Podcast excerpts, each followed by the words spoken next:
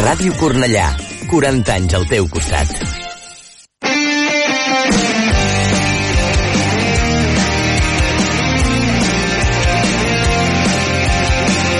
L'esport al punt. Joel Gader. Què tal? Bona nit. Avui és un dia històric, ho sabíeu? Soc gay i no vull mentir més. Aquestes set paraules són les que ha utilitzat Jake Daniels, eh, jugador del eh, Blackpool, per deixar en ridícul al món del futbol i a tota la societat. Ha hagut de venir un jugador d'un equip de Championship, el Blackpool, com dèiem, la segona divisió d'Anglaterra, per deixar-nos a tots amb el cul a l'aire. Però primer anem per parts. Jake Daniels, senyores i senyors, 17 anys i una valentia que no li cap al cor. Que sàpiga, Jake, perquè segur que escoltes l'esport al punt i això t'arriba, que t'has guanyat el reconeixement de tota la societat, no pel fet de ser gay, perquè això no dona ni treu estatus, sinó per la teva valentia. Tots els honors a una persona que fa pública la seva orientació sexual per conscienciar un microsistema, el futbol en concret, que segueix molt podrit en aquest aspecte. Segueix, doncs, l'exemple de l'australià Josh Cavallo i espero que en siguin més, sens dubte. I per què ens ha deixat en ridícul? Perquè ha hagut de venir un nen de 17 anys a fer públic això per tal de veure si arregla aquesta lacra. Ben fet, però aquí ens hem de mirar el malic. Això, si tots fóssim normals, no hauria de passar. Sempre posem el focus en els joves. Ai, com pugen aquests joves.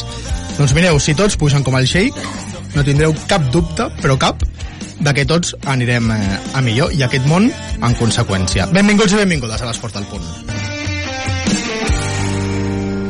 Resumim el cap de setmana esportiu, en aquest cas, com sempre, l'Esport al Punt, amb els titulars.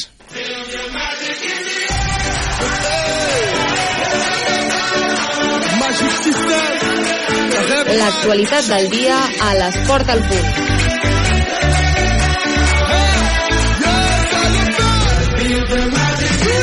El Cornellà no aixeca cap fora de casa. Adri León, què tal? Com estàs? Bona nit. Bona nit, Joel. Eh, Dos minuts d'absoluta desconnexió van deixar sense valor la diana de Borja García a la nova Creu Alta. El Sabadell va aconseguir remuntar en un moment el partit i els verds van encaixar una nova derrota fora de casa que, a més a més, fa esfumar tot l'avantatge aconseguit la setmana passada quan el Cornellà va guanyar i la resta de rivals van caure. Dues jornades per davant i la permanència a 4 punts. Complicat, sí senyor. Derrota de l'Almeda per la mínima segona catalana. Eros González, què tal? Bona nit. Bona nit, Joel. Derrota a domicili dels homes d'Almeda en una temporada molt tranquil·la que ja han assegurat la permanència a aquesta segona catalana com no ho ha fet el Fons Santa Fatjó.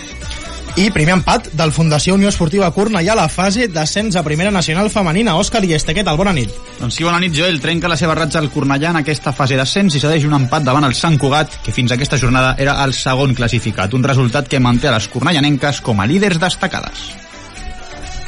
I acabem, perdoneu el petit eh, lapsus, amb bones notícies pel Cornellà Atlètic. Cristina Moreno, què tal? Bona nit. Sí, el Cornellà Atlètic masculí es va classificar per la fase final d'ascens a Divisió d'Honor aquest cap de setmana a Huesca i lluitarà per les dues places que donen la- l'ascens Uh -huh. a la Nucia el proper 12 de juny. A la Nucia, eh? Potser també ens eh, trobeu per allà. Recordeu que també estem en eh, directe a les xarxes socials a través del nostre Twitch amb el Marc Fort avui al, eh, a la, al mando de la nave al nostre Twitch, arroba l'esport al punt, i també podeu interactuar amb nosaltres al nostre compte de Twitter, al nostre canal principal, on som arroba l'esport al punt. Vinga, que comencem.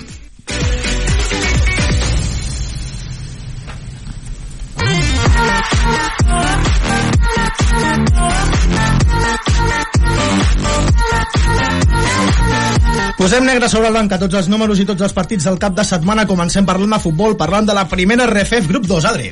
Doncs sí, jornada 36, Sabadell 2, eh, Cornellà 1, el Cornellà que queda 17 amb 42 punts, torna aquests 4 punts de, de distància de la permanència que la marca la balompèdica line- linense i aquesta propera jornada, penúltima i la 37a, el Cornellà que rebrà l'Alcoyano aquest proper dissabte 21 a les a dos quarts de 7 de la tarda. Més futbol, segona catalana, grup 3, Òscar. Doncs doble ració, com sempre, aquest grup, Joel, i dues derrotes aquest cap de setmana. Almeda 0, Gornal 1, l'Almeda és 9, 35 punts, 10 victòries, 5 empats, 11 derrotes, propera jornada diumenge 22, 12 del migdia, amb l'Olímpic Can Fatjó. Derrota contundent de la Font Santa Fatjó a casa 0-3 davant l'Atlètic Júnior, són 14 19 punts, balanç de 4 victòries, 7 empats, 15 derrotes, propera jornada, filial del Sant Feliuenc, Font Santa, sa- dissabte 21 a les 5 de la tarda. Futbol, però ara femení, preferent femenina, segona fase, fase d'ascens. Cristina.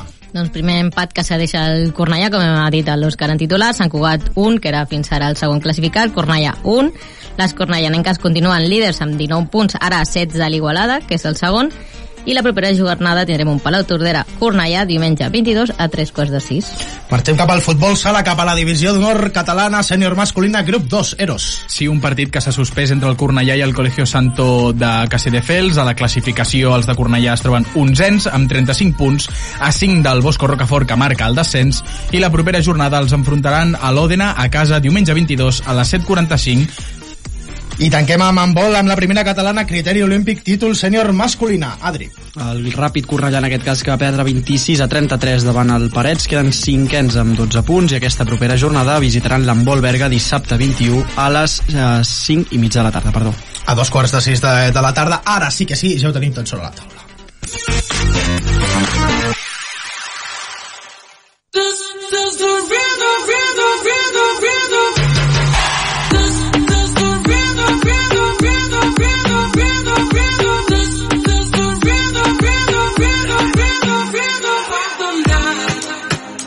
Arriba el protagonista, amb Adrià León.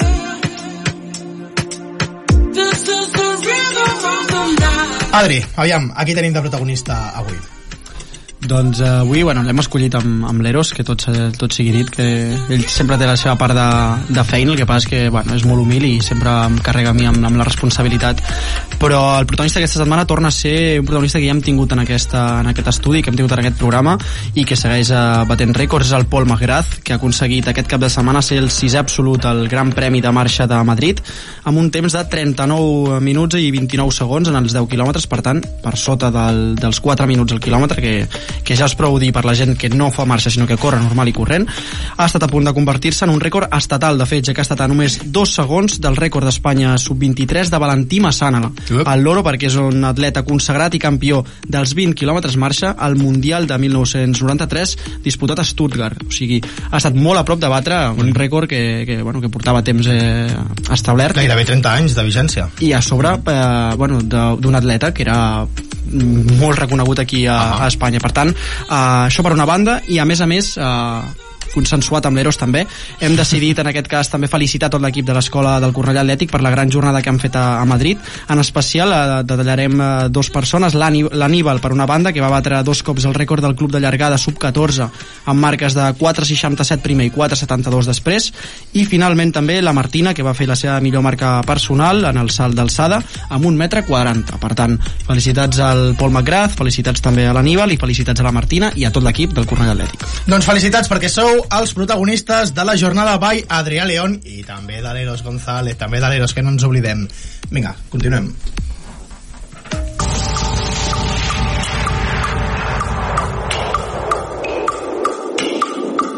Vinga,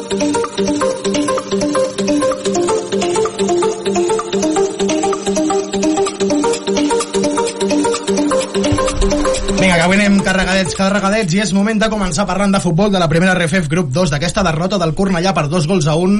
Jo us he de dir que vaig eh, tenir l'oportunitat de veure el partit. Eh, estava fent un gran partit al Cornellà, un gran partit, i el que deies tu, Adri, el titular en cosa de dos minuts, la cosa es va capgirar, i derrota de les doloroses, ja no tant per perdre el camp d'un equip que s'està jugant al playoff, sinó per la combinació de resultats nefasta pels interessos verds.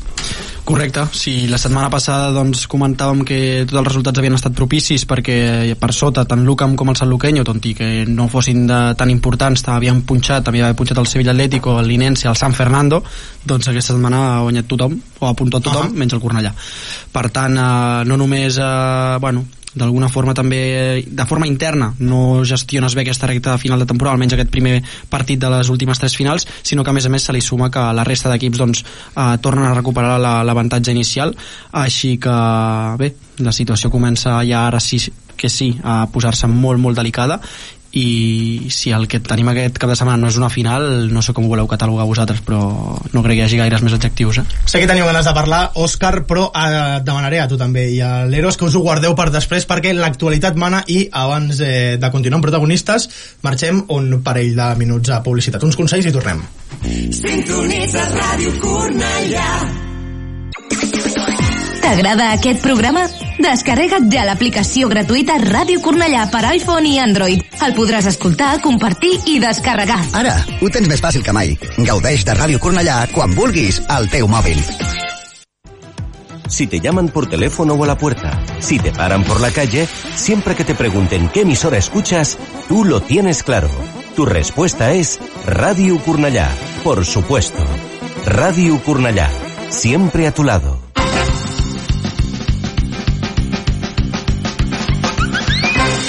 De més enllà, viatgeu amb nosaltres cap a un món de músiques.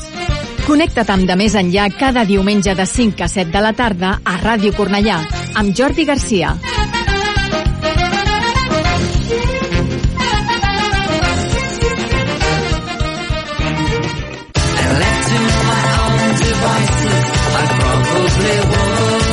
De dilluns a divendres, de 2 a 5 de la tarda, era vinil. Els millors èxits musicals de sempre a Ràdio Cornellà. Era vinil.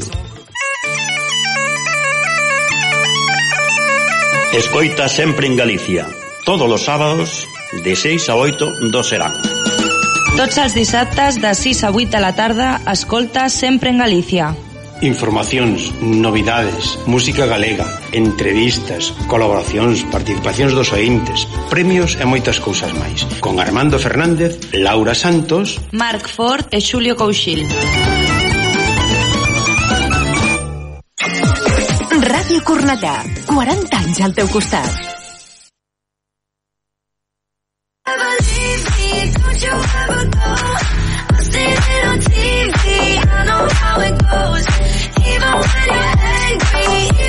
Ja ens perdonareu que hem hagut de tallar la tertúlia de futbol de forma un pèl abrupta, però és per una bona causa, és per una bona causa i ara mateix eh, ho sabreu. Aviam, és temps de parlar del sènior femení del club handbol ràpid Cornellà. Aquesta temporada han jugat a segona catalana i van quedar sisenes a les portes d'aquesta fase d'ascens. Ara mateix juguen Copa i van segones a només un punt de les líders i a dos partits, valgui la redundància, de jugar la fase final i avui s'han apropat a les instal·lacions de Ràdio Cornellà i són ja aquí a l'estudi I, estu, estudi U avui, no, bueno, estem de dilluns, el que deia el Jaime López, que és l'entrenador del sènior eh, femení i la Marisa Rosas Jaime, Marisa, Hola, Marisa, Jaime hola. què tal, com esteu? Bien, bien, bien. Aviam, eh, Jaime entrenador, Marisa jugadora però són parella també Sí. Aviam, eh, Marisa, començo amb tu Digues. com portes que el Jaime sigui la teva parella però a la pista sigui el teu jefe Bé, molt bé. Sí? Sí, sí. no hi ha, no hi ha conflictes que després li recordes a casa i dius mm, Mm, no. es fa Jaime No, no, no. No. Solo, me deja, solo me deja mandar allí. ¿eh? En, ¿Sí? casa, en casa no mando nada. Allí me respeta por la- lo que dirán, ¿no? Pero luego en casa... uh, ya, pero bien, bien. luego esta jugada A veces le comento... ¿Sí? Entrena, para entrenar vamos a hacer esto y lo otro y tal. Y dice, eso no me lo explicas que no quiero... Porque luego ya sabe lo que hace y no le mola. Claro. Pero bueno, bien, bien, la verdad que bien. y luego si habéis perdido no te dice Jaime, igual aquí esto había que cambiarlo Sí, además, sí me comentamos en casa. Además, eh, mi hija mayor también juega balonmano en Sí. el club, en el juvenil, la Arián. Y entonces, pues siempre, pues la tertulia balonmanera en casa es muy, muy típica, ¿no? Entonces siempre lo comentamos y de forma positiva, ¿no? Y pues espero haber hecho esto y lo otro. Y a raíz de ahí, pues salen muchas cosas, la Mm. verdad. O sigui que sou família de- d'handbol 100%, no? Sí. i això com, com va començar? Pues yo de siempre empecé a jugar con los amigos del cole, que era un colegio de, oye, para hacer un equipo de balonmano, fuimos a jugar, y ya por su cuenta, evidentemente, y ella jugó, y la verdad que ella jugó en categorías muy buenas, selección catalana, incluso fue convocada con la española y tal, y súper bien. Pero al- luego ya el tipo lo dejó, y yo vivía por otro sitio, al final lo volvimos a juntar, y, y fue a empezar de nuevo. Aviam, eh, sí, és que estem tenint problemes tècnics amb les eh, càmeres. A través del nostre Twitch eh, haureu pogut veure una mica de travelling, perquè aquí tenim de tot, eh, no només som, som ràdio.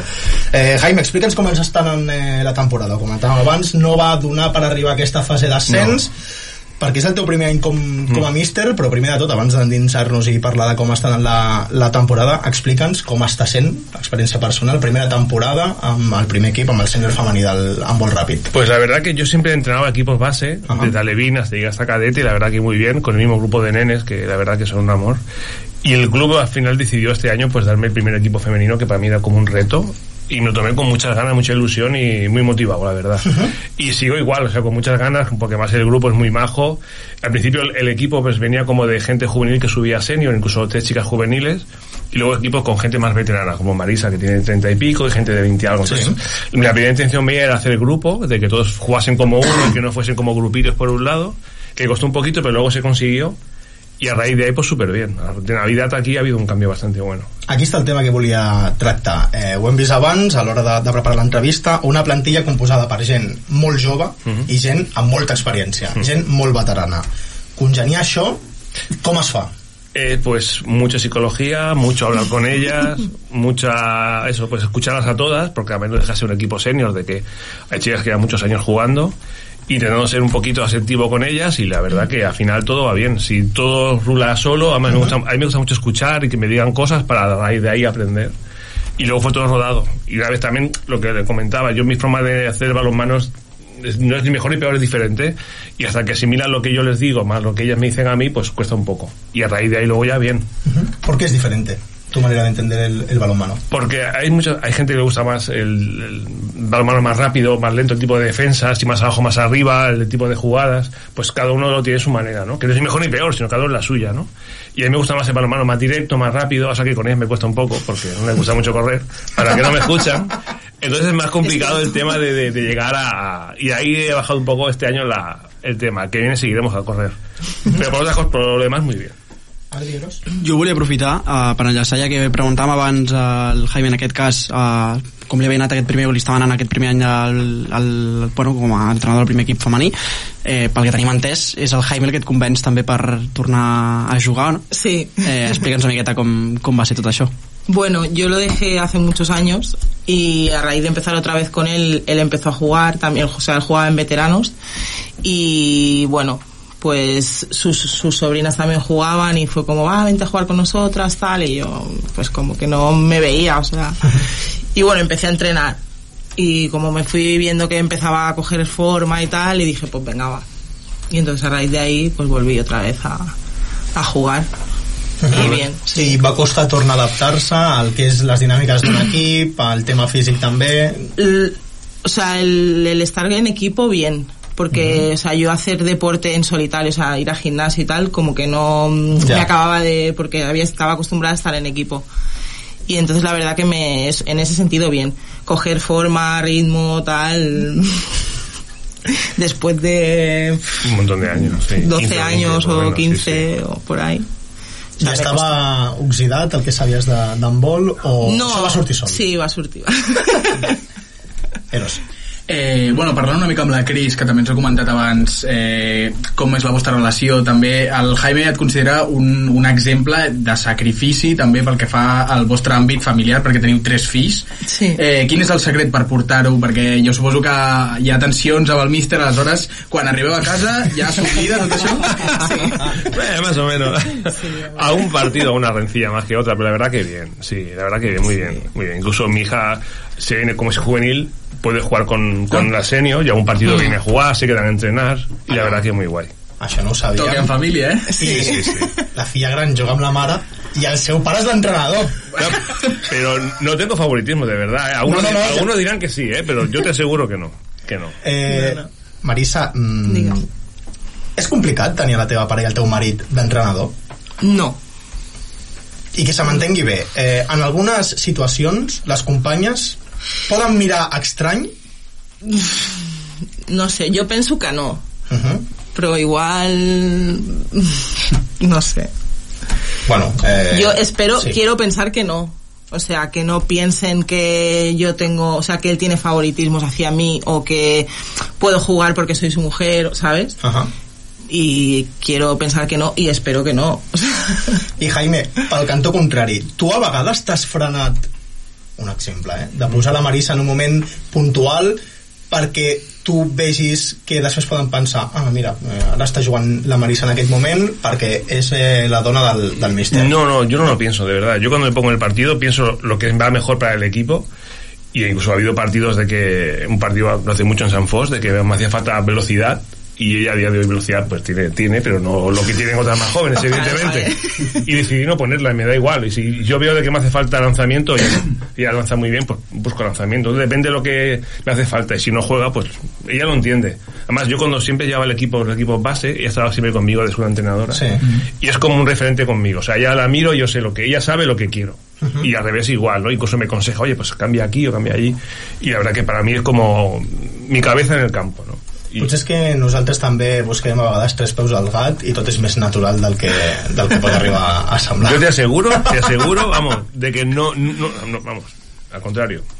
Eros, volies preguntar. Sí, eh, clar, aquest rol d'entrenador-jugador que també es dona molt, per exemple, a la Lliga de Futbol Anglesa, eh, us ajuda molt de cara a entrenar i sobretot, Marisa, tu et sents líder en l'equip de- donat la teva veterania. Em sembla que després, eh, no, abans hem mirat sí. i eres la segona jugadora més veterana. Sents aquest Sí. rol a l'equip? Mm, Bueno, la verdad es que no, me siento bastante integrada, o sea, no sé. Una más del grupo. Sí, Mm. sí. Però igual les més jóvenes, les més joves a Clar, vegades clar. miren, aviam que les grans han de tirar una mica del carro, aviam com Sí. s'actuen quan venen mal dades, sobretot. Això sí, no? Sí, puede ser, sí. A ver, yo intento, depende de qué momentos, el, el mantener esa calma, a lo mejor Sí. que te da la edad, ¿no? De decir, parar y, y vamos a jugar despacio, que no tenemos prisa, o ellas pues van más revolucionadas a lo mejor. Pero, no sé, yo me siento una más y, y me gusta, o sea, no, no quiero tampoco ni estar por encima, ni... O sea, no sé, soy una más y ya está. Aviam, us veu quedar fora de lluita per la fase d'ascens. Mm. Veu quedar sisenes i... Primer de tot, eh, no sé si era l'objectiu sí o sí arribar a fase d'ascens després de la primera fase. Yo, mi objetivo era por lo menos luchar por la fase de ascenso. Incluso el club me comentó de que había equipo para ello y yo, la verdad que confío un montón en ellas, más que ellas en ellas mismas, te diría. Sí, más de una chica me lo dice, confías más tú en mí que yo en ti. Y es verdad, yo confío mucho en ellas porque sé cómo entrenan y sé lo que son capaces de hacer. Y la verdad que me fastidió porque hubo partidos muy buenos. O sea, hay un equipo que está en nuestro grupo que ahora se ha clasificado matemáticamente ya para subir a primera. Y nosotros en casa levantamos mucha cara y perdimos de uno con una mala suerte al final. O sea, que somos capaces de competir con el mejor. Sí. Y luego con el equipo más flojo, pues somos capaces de llegar a su nivel y decir, hey, tío, vamos, espabilarnos que si no, no podemos. O sea, tenemos un nivel muy bueno a veces y... que eso supongo que sea el mal. Yo lo, lo, lo llevo a partidos perdidos la primera, la primera fase, de hacer mi primer año con ellas y acabar de, de, de asulir cosas, ¿no? Sí. Yo creo que el año que viene, que me han dicho que sigo, si no pasa como, yo pasa como a Koeman, que sigo, eso me han dicho, en principio sí.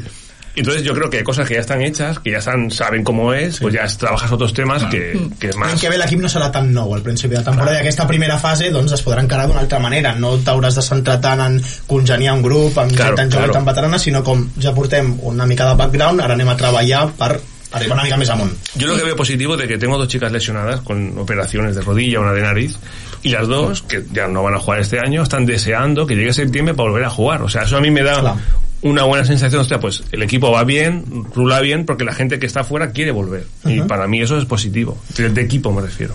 m'imagino i ara em, segona fase eh, Copa eh, això què és? és com eh, un torneig de consolació com, com li diem això? Más o menos, yo creo que más o menos. Más o menos. si la manis amb el cap sense voler Sí, fer-ho però... Más o menos. Es para claro, si no acaba la temporada muy pronto. Entonces los Sí. equipos de cuarto para abajo hacen dos grupos y juegan como una liguilla, ¿no? Sí. Que son como en teoría los cuatro peores. El otro grupo era de 10. Y la verdad que son equipos muy competitivos porque son todos para abajo, te Sí. encuentras equipos muy ni tu nivel y muy más inferiores, ¿no? Sí. Como es el Berga, por ejemplo, que es muy flojito, que no te puedes fiar. Y de ahí, y de ahí hemos, la verdad que vamos muy bien. Hace dos semanas éramos líderes y luego perdimos un partido muy tonto en Milanova, porque bueno, cosas que pasan. Pero esta semana pasada ganamos contra San Fos, que es un equipo muy duro, y ganamos, estamos de segundas, o sea, y la final, la semana que viene jugamos en Berga, que es sencillo, y Y el último siguiente, partido es la- contra la primera. Contra. Ah, que allí en Sanes ganamos todo el partido bien y al final empatamos. Pero por los últimos cinco minutos que nos dieron una pájara y ya no. Pero que somos capaces de ganar, si nuestro partido ganando. Y la ganaremos seguro, vamos. Doy fe, doy fe. No, ara, just eh, al fil del que comentaves, estaves comentant que el proper partit és contra l'Embol Berga, que Mm. són els cuers, un partit empatat, 7 perduts i una diferència de menys 118. Mm. Com plantegeu aquests partits que en principi són molt fàcils perquè no es confiïn les jugadors, sobretot les més joves? Se suelen confiar. Incluso las más veteranas a veces, a veces. Porque, porque incluso, no, porque incluso dicen, va, es que me sabe mal, porque las veces que son muy flojitas, y dices, pues te sabe mal, pero digo, no, que os sepa mal, porque luego la semana pasada empataron contra Rasa, que es un equipo que a nosotros nos costó mucho ganarles, la primera vuelta perdimos en su campo, entonces no tienes que relajarte, o sea, porque sea rival inferior no tienes que dejarlo, porque si no al final te, te das cuenta y te pillan. O sea, hay que ser súper concentrado. Yo entiendo motivarlas, pero es que es muy difícil, no te dejan hablar. Tú pones a 16 mujeres allí y tú con ellas, ¿sabes? Con todo el cariño, pero es que decirles que escucharme, por favor. Es difícil, ¿eh? Això en els temps morts et passa. Uf, y antes. Voy a hacer mi, mi arenga de rollo Guardiola, vamos a ver, no sé qué, y es como que, que calla, por favor. Pero bueno, en el fondo son todas un amor, ¿eh? o sea. Em, queden dues jornades. Aquesta contra el Berga i l última a casa vostra contra el Sant Esteve Sant Sarrovires. Em, si guanyeu les dos, primeres.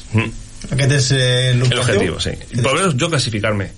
Primero o segundo me da igual. Luego supongo el otro grupo está Tarreca y Caste- y Castelldefels, que están ahí también, que están clasificadas. Es primero contra segundo, segundo contra primero y luego. Una Final Four. Sí, exactamente. Mhm. I, I això, Marissa, que és com un objectiu ja per la, per la plantilla de dir no hem pogut fer fase d'ascens, però mira, ja que estem aquí, Sí. fem Final Four i acabem la temporada de la millor forma sí, possible. sí, sí. Uh -huh. sí. I aquesta, aquesta Final Four eh, suposo que afectes classificatoris no... No, no, es solo la... Festa de l'handbol. Sí, y la honrilla de decir, sobre todo porque hay gente del equipo de que juega porque le gusta y tal, ¿no? Y otra gente empieza más a competir, ¿no? Y yo quiero que ellas tengan la capacidad de decir, pues somos capaces de subir a primera porque somos buenas y porque lo sabemos y porque confían. Y yo creo que si ganamos la copa o hacemos muy buen papel, quizá mi intención creo que cogerán confianza para decir, podemos subir a primera. Y yo creo que sí. Creo que sí. Jo crec que és important també per això, pel, pel que deies, perquè la temporada que ve, si guanyes la Copa, ja comences diferent. Claro. I els altres equips ja saben que has guanyat la Copa, que, escolta... Eh, I també suposo que per fitxar mm, jugadores, no? Eso no está muy... I ja, escolta, se- comença a apropar-se al, al final de la temporada i és moment que el míster s'assegui amb totes les jugadores i els hi digui eh, continues, Claro, no, yo creo que... busca't un altre equip No, eso no, eso es cosa de club. Yo ahí, Ah, ahí no entro. Uy. Menos mal, menos mal. Las manos. Sí, sí, sí, ahí, sí, sí, sí. No, además eso del club, ya hablé conmigo el, el, el Tony Jarro, que es el que lleva Sí. todo el tema, y me comentó que eso, que habló conmigo, cómo me sentía yo, cómo me sentía el equipo, yo me sentí muy bien con ellas. Y supongo que bien conmigo, no lo sé, pero bueno, que el- dijo que continuaba, pues supongo que viene a ver quién sigue que no, porque son una edad de que hay gente que trabaja, gente que estudia, y gente que a lo mejor no puede entrenar por tema de trabajo, y es complicado. Entonces, esa categoría, igual un año tienes mucha gente, que al año siguiente tienes menos por temas de trabajo, y estudios, universidad, todo esto. Marissa, tu tens corda per estona, no? Jo sí, de moment sí. Bueno, escolta, mm, així, així perfecte, tenir-ho claríssim, digues. Jo per aquí, ara que aprofitant una mica la teva pregunta, abans mencionava el Jaime que ell havia estat fent de segona entrenadora amb tu a Mhm. categories de futbol base, ai, de futbol base, de, d'handbol base, en aquest cas. Us veieu en un futur entrenant junts a un primer equip, per exemple, el primer equip femení? Sí, yo, bueno, yo digo ya siempre que cuando deje no quiera jugar, para mí es importante que esté, porque el, cuando estás en el partido metido hay muchas cosas que no te das cuenta porque estás muy concentrado y hay cosas que, yo sé, que no, no estás atento, ¿no? Entonces alguien que te diga, hey, esto, hostia, es verdad. O fíjate que están haciendo el tipo de defensa, vamos a atacar. Y la verdad que a, mí me da muy bien. Porque a veces te concentras tanto en una cosa que no es capaz de ver lo de, lo de alrededor. Y son cosas importantes. Molt important també saber estar ben envoltat, eh? Sí, sí, siempre. También tengo dos delegados que son perfectos, el Chevy y el José son majísimos, o sea... I escolta, que comentàveu abans, eh, la vostra filla gran juga també, Mm. ha arribat a, a jugar també amb, amb vosaltres, eh, i els dos més petits també juguen amb vol? El otro mayor no, jugó de pequeño, pero al final no le acabo de llevar. No. Y la pequeña, que tiene 10 años ahora, empezó a jugar de Benjamín, pero los niños no me pasan la pelota, no me gusta, y ahora hace waterpolo, que es parecido pero en agua, ¿no? Però alguna cosa passa aquí, si eh, família tant d'handbol, alguna cosa s'ha de fer per tornar-los a enganxar, no? Yo quiero. passa com amb la Marisa. No, yo quiero, yo quiero, la verdad que sí. Además, eh, el Aarón lo entrené también yo un, un- un tiempo y la verdad que es súper bien, pero no le acaba de, de llenar. Entonces, también tengo dos sobrinas mías que jugaban también, de mi hermano, hijas de mi hermano. Ostres, doncs que también reunions familiars sempre... siempre, siempre. d'handbol. Y a lo mejor hay un mundial en la tele y todos sentados viendo la tele el mundial de balonmano, o sea, y comentando la jugada, o sea, eso, y que tu mujer eh, sea, te guste tu- lo mismo que tú, eso es genial, porque un domingo por la mañana, oye, juega al senior y el juvenil, vamos a verlo, y te tiras toda la mañana del pabellón y están contentos, ¿no? O sea, que no, no es un problema de que me vaya yo o que venga ella, sino al revés. Escolta, ja anem acabant. Eh, Jaime, em, quin és el projecte del club per al sènior femení? Em, comentaves, has arribat aquesta temporada, potser l'any que ve ja sí que sí notes més la pressió d'haver de pujar a primera catalana o amb més tranquil·litat Yo quiero hablar con ellas primero a ver qué pretenden ellas hacer, qué intención tienen y a raíz de ahí trabajar. Y yo convencerlas de que son capaces, porque lo son, de subir a primera. Y yo quiero el año que viene intentar por todas todas subir. Por menos jugar fases de ascenso, que jueguen eso que es bonito, esa competición Sí. de subir, esa cosa de que es bonito, vamos, eh, no todo el mundo sube de categoría, porque sí, ¿no? Entonces, simplemente jugar la fase de ascenso para mí es importante. Y si subimos ya, vamos. Quieren que me tiña el pelo de verde. y, yo, y yo les digo, aunque eso sea para fastidiarme a mí, hacerlo. Hacerlo, yo me tiño. O sea, para fastidiarme a mí, ganar. Y ya me tiñeré el pelo, no pasa nada. queda un any encara però ja ho tens Sí, sí, sí, sí, ya estoy buscando a ver qué color es menos agresivo. Marisa, la plantilla tu creus que està preparada per eh, intentar pujar primera? Sí, sí, sí. Tenim molt bon equip. Doncs et queda, eh? Sí, sí, sí. Acabar primer aquesta temporada com, com sigui de, la de la millor forma, jo crec que Final Four sí, no? Sí. Això ja està Sí. coll avall. Si no es... Uf, no, sí. Sí, sí o sí. Sí o si, sí. si ganamos, vengo otra vez. Sí, sí, sí, estàs convidadíssim a, a repassar la, la temporada i, i, i sobretot eh, molta sort pel que queda Muchas i de cara gracias. ja a l'any vinent on eh, segur, segur, segur, segur que competireu per estar amunt des de ben aviat Muchas gracias. Ya quieren en primera seguro. Segur que sí. Doncs el Jaime López, entrenador del sènior femení del Club Handbol Ràpid eh, Cornellà i la Marisa Rosa, jugadora també del sènior femení. Moltes gràcies per eh, passar-vos aquesta estona per l'Esport del Punt, que ha estat un autèntic plaer. Igualmente, un placer. Igualmente, muchas gracias. Anem a publicitat i ara tornem.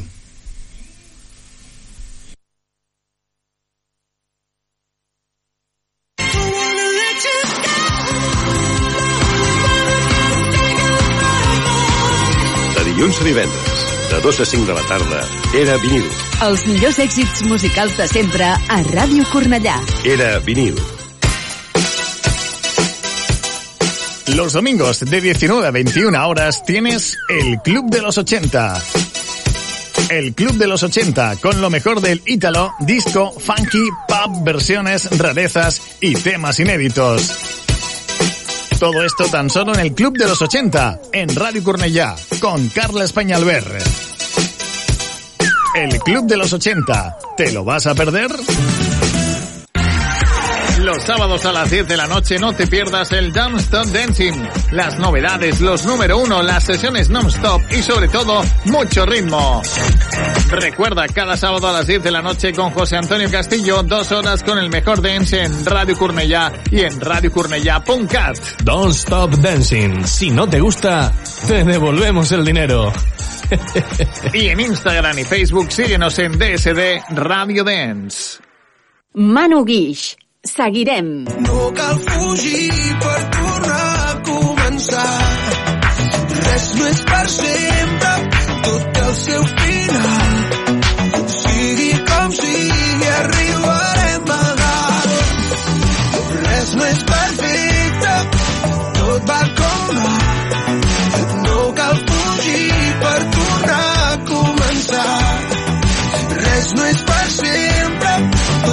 seu final.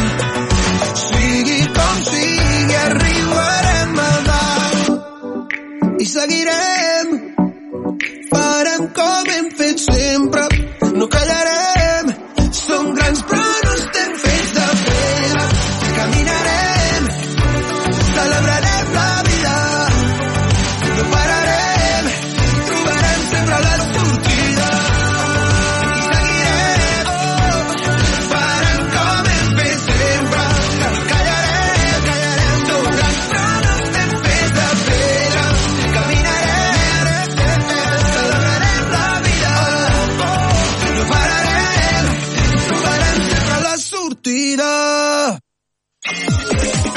Cornellà. 40 anys al teu costat.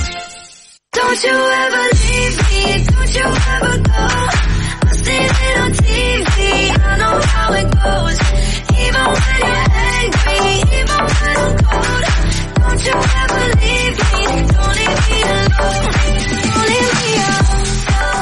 Poliesportiu, avui continuem amb un eh, programa carregat eh, d'esports i a més a més, Adri, que jo sé que a tu això t'agrada, hem tingut eh, proves de, de triatló, de triatleta a triatleta. Doncs sí, sí. Bueno, quan parlis amb el protagonista, perquè jo de triatleta tinc... Bueno, i, si, i, i jo tampoc puc parlar gaire ara mateix, però bueno, sí, sí, ha hagut un cap de setmana interessant, eh, diverses proves i, eh, clar, com el club, eh, com el Cornellà en aquest cas, doncs eh, té bastanta representació, uh -huh. doncs l'ha distribuït per tot arreu, com ha de ser. Albert Redolat, atleta del eh, triatló Cornellà, què tal, com estàs? Hola, bona nit. Molt bé, moltes gràcies. Aviam, aquest cap de setmana es va disputar el setè Half Triatlón Pamplona-Irunya, que també servia com a campionat d'Espanya de triatló de mitjana distància i també eh, va inclòs en el PAC es va celebrar el campionat d'Espanya d'Aquabike i escolta, aquest, el campionat d'Espanya d'Aquabike te'l vas endur tu, Albert, amb un temps de 2 hores, 44 minuts i 58 eh, segons. Tot un èxit, no, m'imagino? Doncs sí, sí, sí, la veritat és que molt content a nivell de resultats i, bueno, com has dit abans, el, el plat fort era el triatló, però bueno, ja que hi havia una expedició del club, pues, vaig aprofitar i, i en aquest cas, en el meu cas, vaig córrer la prova d'Aquabike i la veritat és que, que, bueno, que a nivell de rendiment vaig acabar molt satisfet.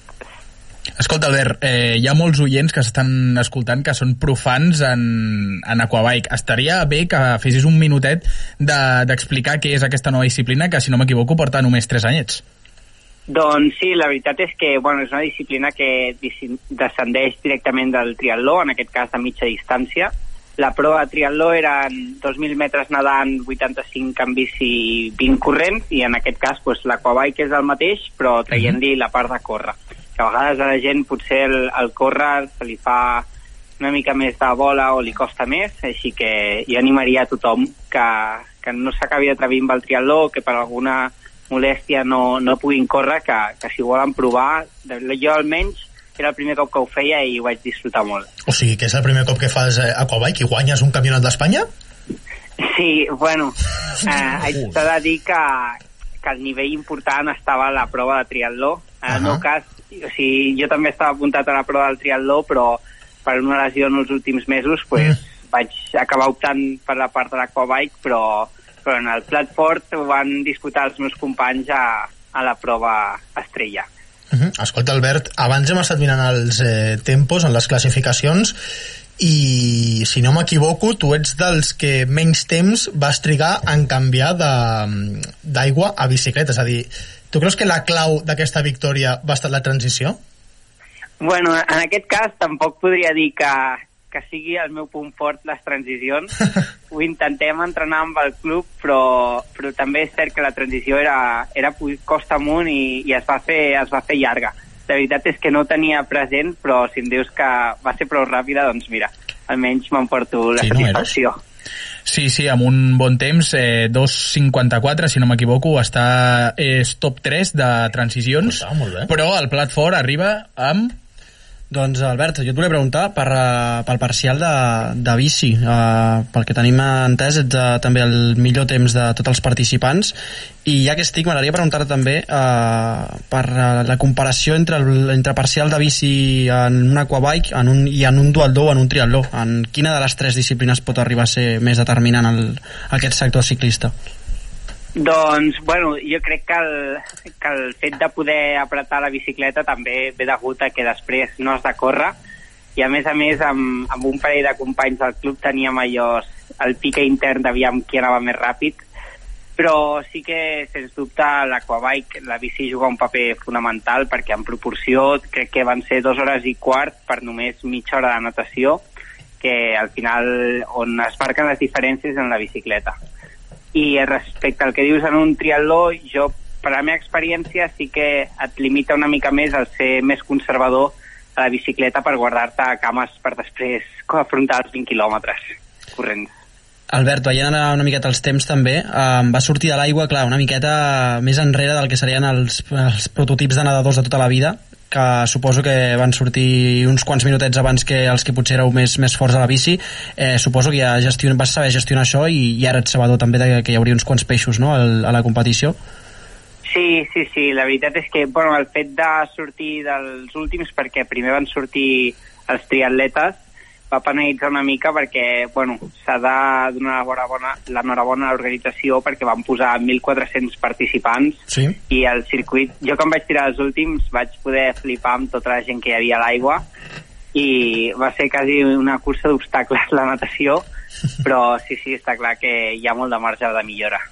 Albert, i la següent parada quina és? Després d'aquesta victòria al Campionat d'Espanya d'Aquabike, què tens a l'horitzó?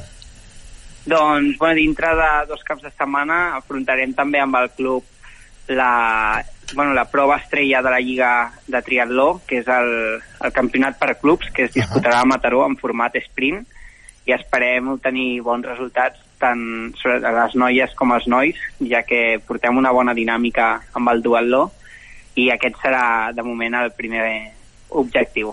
Segur que sí, que després d'una victòria sempre les coses venen, venen coll avall i ben, ben, ben encaminades. Albert Re- Redolat, atleta del triatló Cornellà, moltes gràcies per haver-te passat per l'esport al punt i, fel i felicitats per aquesta victòria del Campionat d'Espanya. Moltes gràcies. Futbol.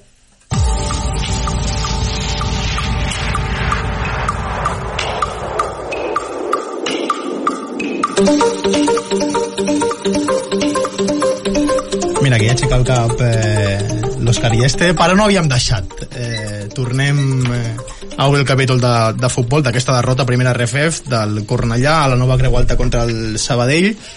Adri. Jo el que us comentava, que si no eren finals el que teníem fins ara, el que hi ha ara jo crec que ja sí que és eh, la final, la semifinal, mm. els quarts i tota la competició en un sol partit, perquè clar, mm, i hem de parlar de que si al final el Sevilla Atlético o, el, o, el, o la Palompèdica guanyen aquest de setmana, per molt que el Cornellà guanyi, eh, estàs fora. O sigui que ja és, ja no és, ja és qüestió de que no, no es depèn d'un mateix, d'alguna forma. Sí, no, no, home, totalment que és una final perquè si no guanyes ja estàs descartat, això per començar. Llavors, ara, abans que, que parlés l'Adri a la primera intervenció, abans del tall, no?, per, Petit tall de mitja hora. per les entrevistes eh, aquí, doncs estava mirant i, i, bueno, com a part positiva és que tant Balompèdica com Sevilla Atlético tenen desplaçaments complicats aquesta jornada. Aviam, posem negre sobre blanc. Contra qui juguen els rivals directes del Cornellà aquesta jornada?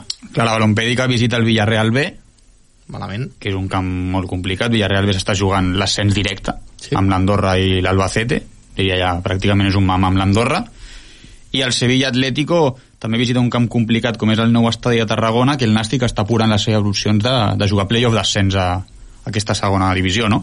Per tant, per aquí podríem tenir una miqueta de, de llum, d'esperança, si és que el Cornellà fa la feina al nou municipal davant un Alcoyano que també diria que està apurant les seves opcions de jugar un playoff d'ascens on pràcticament, com vam comentar, tota la lliga, no? falten dues jornades, està jugant coses. Sí, està, està molt apretat. Sí que és veritat que la cara de tota aquesta moneda tan obscura que podria ser el descens a segona ref és que el Cornellà té po- poder els rivals més assequibles de tots els rivals per la permanència, com podria ser l'Alcoyano o el Castellón, mm. que depèn dels resultats d'aquesta jornada, poder ja no, ja no estan jugant l'ascens. Mm. Jo arrel del, del que comentava l'Eros m'agradaria destacar que s'ha de tenir en compte també que si el Cornellà guanya aquest cap de setmana a l'Alcoyano uh -huh. i per els, la resta de resultats ja se- i segueix havent opcions de, de salvació l'última jornada marxarem a Castàlia i el Cornellà no guanya fora de casa des del 13 de novembre El que sí que m'agradaria, agafant aquest fil de Castàlia, és que les coses a Castelló no són ara mateix són flors, No, no. perquè a part de que l'equip no està té opcions matemàtiques de jugar al playoff però és molt difícil eh, la situació del club crec que vaig llegir a xarxes socials que estava bastant la cosa una miqueta moguda la gent emprenyada perquè van decidir fer un dia del club no? i van fer pagar a l'afició per anar a Castàlia i llavors els aficionats estaven com decidint deixar buit l'estadi no? com a forma Pel de protesta Cornellà, això. no, dia del Cornellà no, ja va ser l'últim partit, però bueno, ja la cosa entre que esportivament la, la temporada no ha sigut bona Mm. I aquest fet de, de la directiva, suposo, del club de decidir això, pot ser un bon, un bon moment si el Cornellà arriba amb opcions matemàtiques sí. de permanència doncs, per donar un cop sobre la taula i visitar Castàlia en aquella darrera jornada. Parèntesi. Dia del club i a sobre et fan pagar mai ho he entès. El dia del club hauria de ser el dia dels aficionats se'l se podria titular així directament I... Home, si, si ja es fa dir, eh, dia dels aficionats i a sobre toca poquinar, No, no, clar, clar, això seria apaguem, millor. marxem i, i tothom cap a casa. Mm. Bueno, és el que deia, no? Em, Creieu que el Cornellà acabarà aquesta jornada ja ben perdut la categoria? Jo diria que no. Jo crec que guanyarà el Cornellà I algun perdrà. i jo és que jo és que m'atreviria a dir que, que cap dels tres guanyarà. Cap dels tres, Sevilla, Ah, Linense... perquè Sant Luqueño l'hem deixat fora, sí, també, però té un desplaçament molt complicat també, com és visitar l'Atlético Baleares. que aquesta és l'altra Mm, Baleares i després el Villarreal vull dir, el Sant Luqueño té dos finals Sí. encara més, més heavies que les del Cornellà però jo crec que el Cornellà no para de mirar el Linense, no para de mirar el Sevilla Atlético com arribis empatat a l'última jornada amb el Sant Luqueño i acabis fora per diferència de gols No, eh, la tenen empatada, s'ha de mirar la general i hi han dos gols només de diferència a favor del, del Sant Luqueño. És a dir, que aquí, cinc gols? no, a mi em surten 5 si bueno. no m'equivoco, però vaja que s'ha de tenir en compte perquè al final els dos Aquí estan fora és, més, és molt important. Mira, jo tinc eh, Cornellà menys 13, Sant Luqueño... Me... Ah, no, la té guanyada el Cornellà. Ah, doncs ja està. Perfecte. Ah, eh, a guanyar i a marcar molts gols. vale. Sí, ara mateix, si s'acabés la temporada, eh, Cornellà quedaria per damunt de Sant Luqueño. No, no, no. no. Jo crec que no. No, no, ara, no, aviam, el. Cornellà va caure golejat a Sant No, Lucas de 1-0, Barrameda. 1-0. 4-0. En sèrio? Sí, home, sí. Potser m'he equivocat jo, eh? Sí, per això ara mateix el Sant Luqueño està per sobre Sí, el Cornellà, sí, sí. el que sí. diu l'Òscar és cert. El Cornellà va caure golejat a Sant Luqueño. 12 de desembre del 2021 Ja, em- A Sant Luqueño, perdonareu. a Sant Ja de em Barrameda. I, i clar, el Cornellà va guanyar 1-0 només aquí Sí, sí, sí, al sí. municipal per tant és, el golaveraix està perdut amb Sant Luqueño sí. Sí, però el partit a casa contra l'Alcoi, contra l'Alcoi, ja no, perdó, ha de ser un punt de referència. Sí que és veritat que els, eh, que els homes de Gonzalo Riutor, des de que ha arribat a la banqueta a casa, no han perdut cap partit, sempre han estat o victòries o empats, i és potser el precedent el que s'hauria de de- d'encomanar l'equip en aquests moments tan difícils. Jo crec que la clau estarà uh, fora de casa, perquè si us fixeu, la setmana passada Cornellà guanya a casa, els seus rivals directes jugaven fora i el Cornellà es fica a fregar de la, de la permanència. Aquesta jugada, tots els rivals eh, directes a casa, el Cornellà fora, patapam. Però el Cornellà gu- guanyen tots els altres i es queda a 4 punts. Llavors, si es repeteix l'esquema, si segueix aquesta regla de 3, la propera jornada el Cornellà arribarà a la última amb opcions directes de, de salvar-se. Però clar, la, la última, aviam si passa alguna cosa, si entren més nervis, si, no sé, si canvia una mica el, el panorama, perquè si no, complicat. Bueno, complicat ho porta sent, sí, sí, des de fa Sí. sí. setmanes i cada cop es posa més complicat, eh, valgui, valgui la redundància. Eh, jo volia comentar sí. que s'ha de tenir en compte també que el Cornellà um, ha d'omplir moltíssim, o ha d'intentar que el sigui un fortí, per molt que hagi sigut bon equip a casa durant Sí. el que portem la temporada aquest eh, proper dissabte ha de ser una barbaritat el que, el que s'ompli el, el nou municipal i el que pretin a, a un Alcoyano que al final també com a local és un equip que segurament tregui molts punts gràcies a, al, al camp que té per tant, eh, crida al nou municipal com, com no s'ha fet mai i aprofitar doncs, eh, sumar tres punts que jo ara pensava en, eh, en aquest possible empat que podies haver tret a la nova Creu Alta aquell punt ja sé que és paper mullat que ara ja és mirar el passat no serveix de res Mhm. però aquell punt t'hagués deixat sí. això una victòria i això fins i tot no guanyant aquesta setmana tindries opcions de, de la última Sí. És que sobretot són les sensacions que deixa els dos gols que rep en qüestió de dos minuts. Just va perdre la transmissió Footers, arriben els dos gols. Clar, és una gerra d'aigua freda per tots els espectadors de, del Cornellà i sobretot el, de la forma dels que arriben el, els dos gols, que sempre són amb, amb segones jugades, mal defensades sí. i, i jugades d'aquestes que són esperpèntiques dins l'àrea, que s'han donat unes quantes al llarg d'aquesta temporada. Mm. Gran partit del, del Cornellà, tot i la derrota, tot Sí, s'ha de dir. Va jugar molt bé, va arribar a avançar-se, també jugant una mica amb els nervis del, del Sabadell, que està jugant-se les garrofes per, per dalt. Gran partit de Gompi. Sí. Gompi va portar de corcoll tota la defensa Mhm. arlequinada, però clar, és això. Jo si m'hagués de quedar amb alguna cosa, em quedo amb les sensacions de que estàs a la jornada 36 jugant-ho tot per baix i vas a un camp tan gran, tan important com la nova Creu Alta i jugues amb personalitat i et quedes ben a prop de puntuar. Sí, Gompilla porta 3-4 jornades que està a un nivell excels i també entre Chiqui i Gompi es porten la batuta i Gil Muntades també està a un Sí, bon sí, nivell. Sí, sí, em va agradar molt el seu partit i, i una llàstima, aquell remat de a dir. la centrada, dir. estava molt a prop de la porteria de Bernat i aquell gol hagués estat un punt d'or que comentava abans l'Adri. Sí, sí. M'estava fixant ara, el Cornellà ha sumat els mateixos punts que l'Inense i el Sevilla Atlético a les últimes 5 jornades. No sé si és gaire bo o dolent. Això vol dir que no estan deixant de sumar els rivals directes i quan part, parteixes amb desavantatge, mal augurio. I compte que teníem... Digues, digues. Ah, no, jo anava a dir que crec que el Linense és l'equip en el qual l'haurem d'atrapar si volem que el Cornellà salvi, no per aquesta jornada només, sinó perquè la darrera jornada rep l'Andorra, Uh -huh.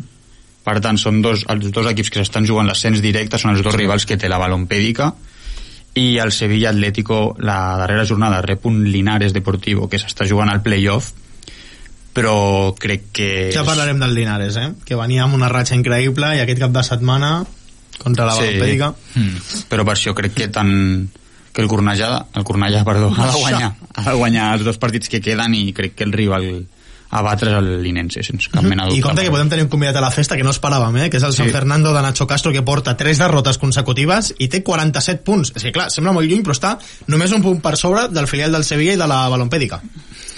A veure, jo no els, no els ficaria, o sigui, no els, no els fico a, a la lluita pel, pel simple fet de que el San Fernando és un equip que, que tracta molt bé la pilota, que el veus amb uns altres ulls, que saps que, que, que té qualitat i que té maneres suficients com per salvar-se amb, amb normalitat, el que passa és que, clar, suposo que també en aquesta recta final igual aquest estil de joc eh, tan propi de Nacho Castro i tal Sí. no ha acabat d'ajudar en, en partits importants, però bueno, jo no el ficaria, sincerament. Mm, Jo tampoc el fico pel, pel partit que té aquesta setmana, que és el camp del Costa Brava, un equip que ja ha descendit, Mhm. i en principi jo crec que amb un punt li pot valer per, per tenir la Sí, salvació sí, sí. puntuant a, aquí a Palamós, per tant no crec que, que sigui Mhm. un, un rival pel Cornellà.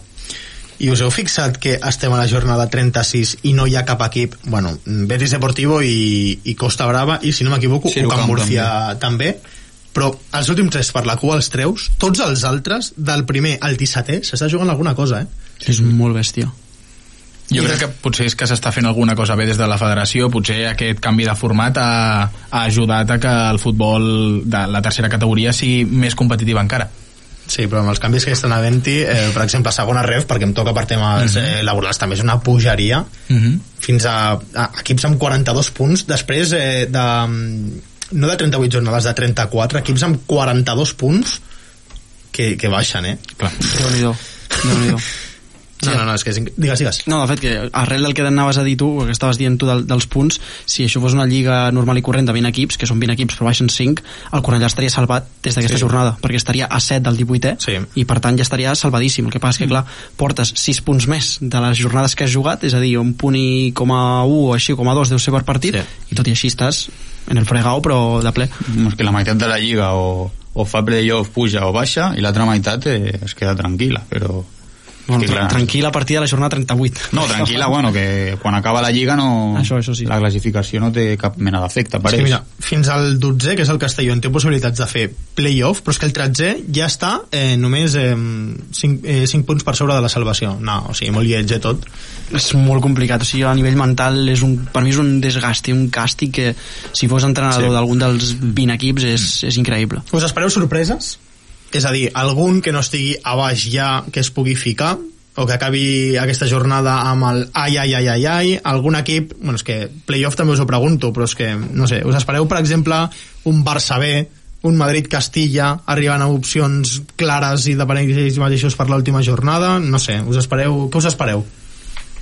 jo dels 5 que hi ha per playoff et signaria el 5 a no ser que el Balears potser caigui a canvi del, del Nàstic o del Linares com és que hi molt. ha, hi ha un triple empat a 55 que... Sí, sí, no, clar, Cuidao. és que posats a, a fotre càbales és una barbaritat. I de descens et diria, jo crec que el Sanluqueño per mi està signat, tot i que tingui opcions de matemàtiques igual que el Cornellà, i si algú ha de caure és el Linense.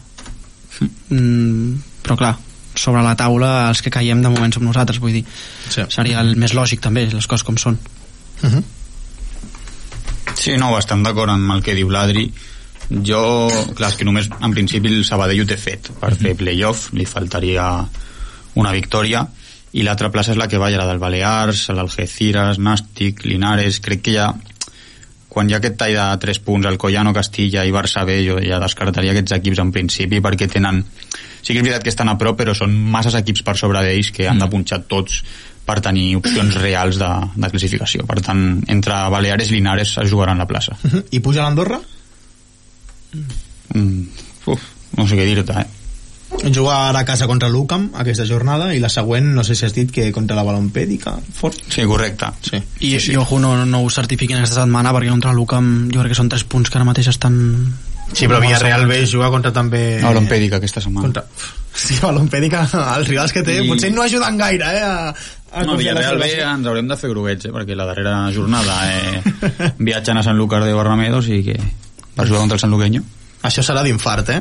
Sí, potser de, dels tres de dalt el que millor ho té per rivals còmodes és l'Albacete que s'enfronta al Betis Deportivo i al Costa Brava en principi dos rivals sí. ja que ja han Se'n baixat recordaran d'aquestes dues últimes jornades, eh? A, sí, sí.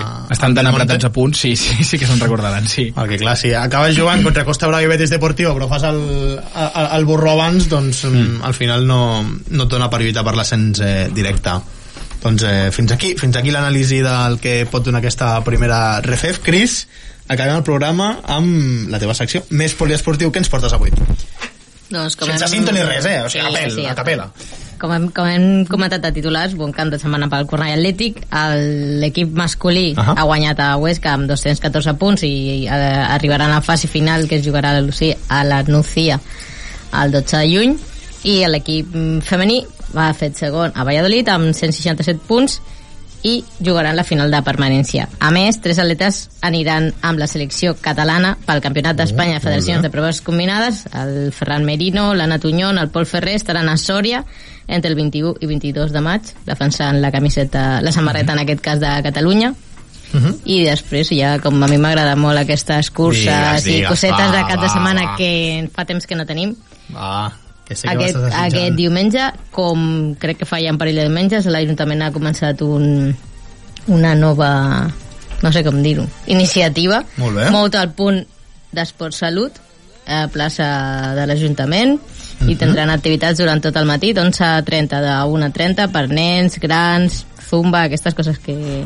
que ens agraden. Doncs Així que si algú té ganes de passar el matí a, i té nens i no nens i vol fer esport, Apuntat queda, apuntat queda, acabem rapidíssimament enviant una abraçada al Pol Corredoira allà on estiguis, i avui que no està, com que ell és tan tímid i li fa tanta vergonya de el dia... vacances, que sembla que l'has enviat a l'altre barri, Que allà no. on estiguis. Jo em vaig escoltar quan jo no estava i també allà on estiguis, eh, em va dir, així que No, li ja, torno. ja, està- està bé, per si algú s'ho Un segon, si us plau, que se'n menja el temps. Ell és molt tímid, no ho vol que ho digui, li va tocar a ell agrair quan ens van donar el Premi RAC, que per cert el recollim aquest dijous, però Pol, que sàpigues que aquest premi, en gran part grandíssima, és gràcies a tu. Gràcies també al Marc Fort, peça indispensable d'aquest programa. Gràcies Adri, gràcies Eros, gràcies Cris, gràcies Òscar. Ens sentim la setmana vinent amb un RAC sobre la taula. Descanseu, bona nit. Or are we dancers?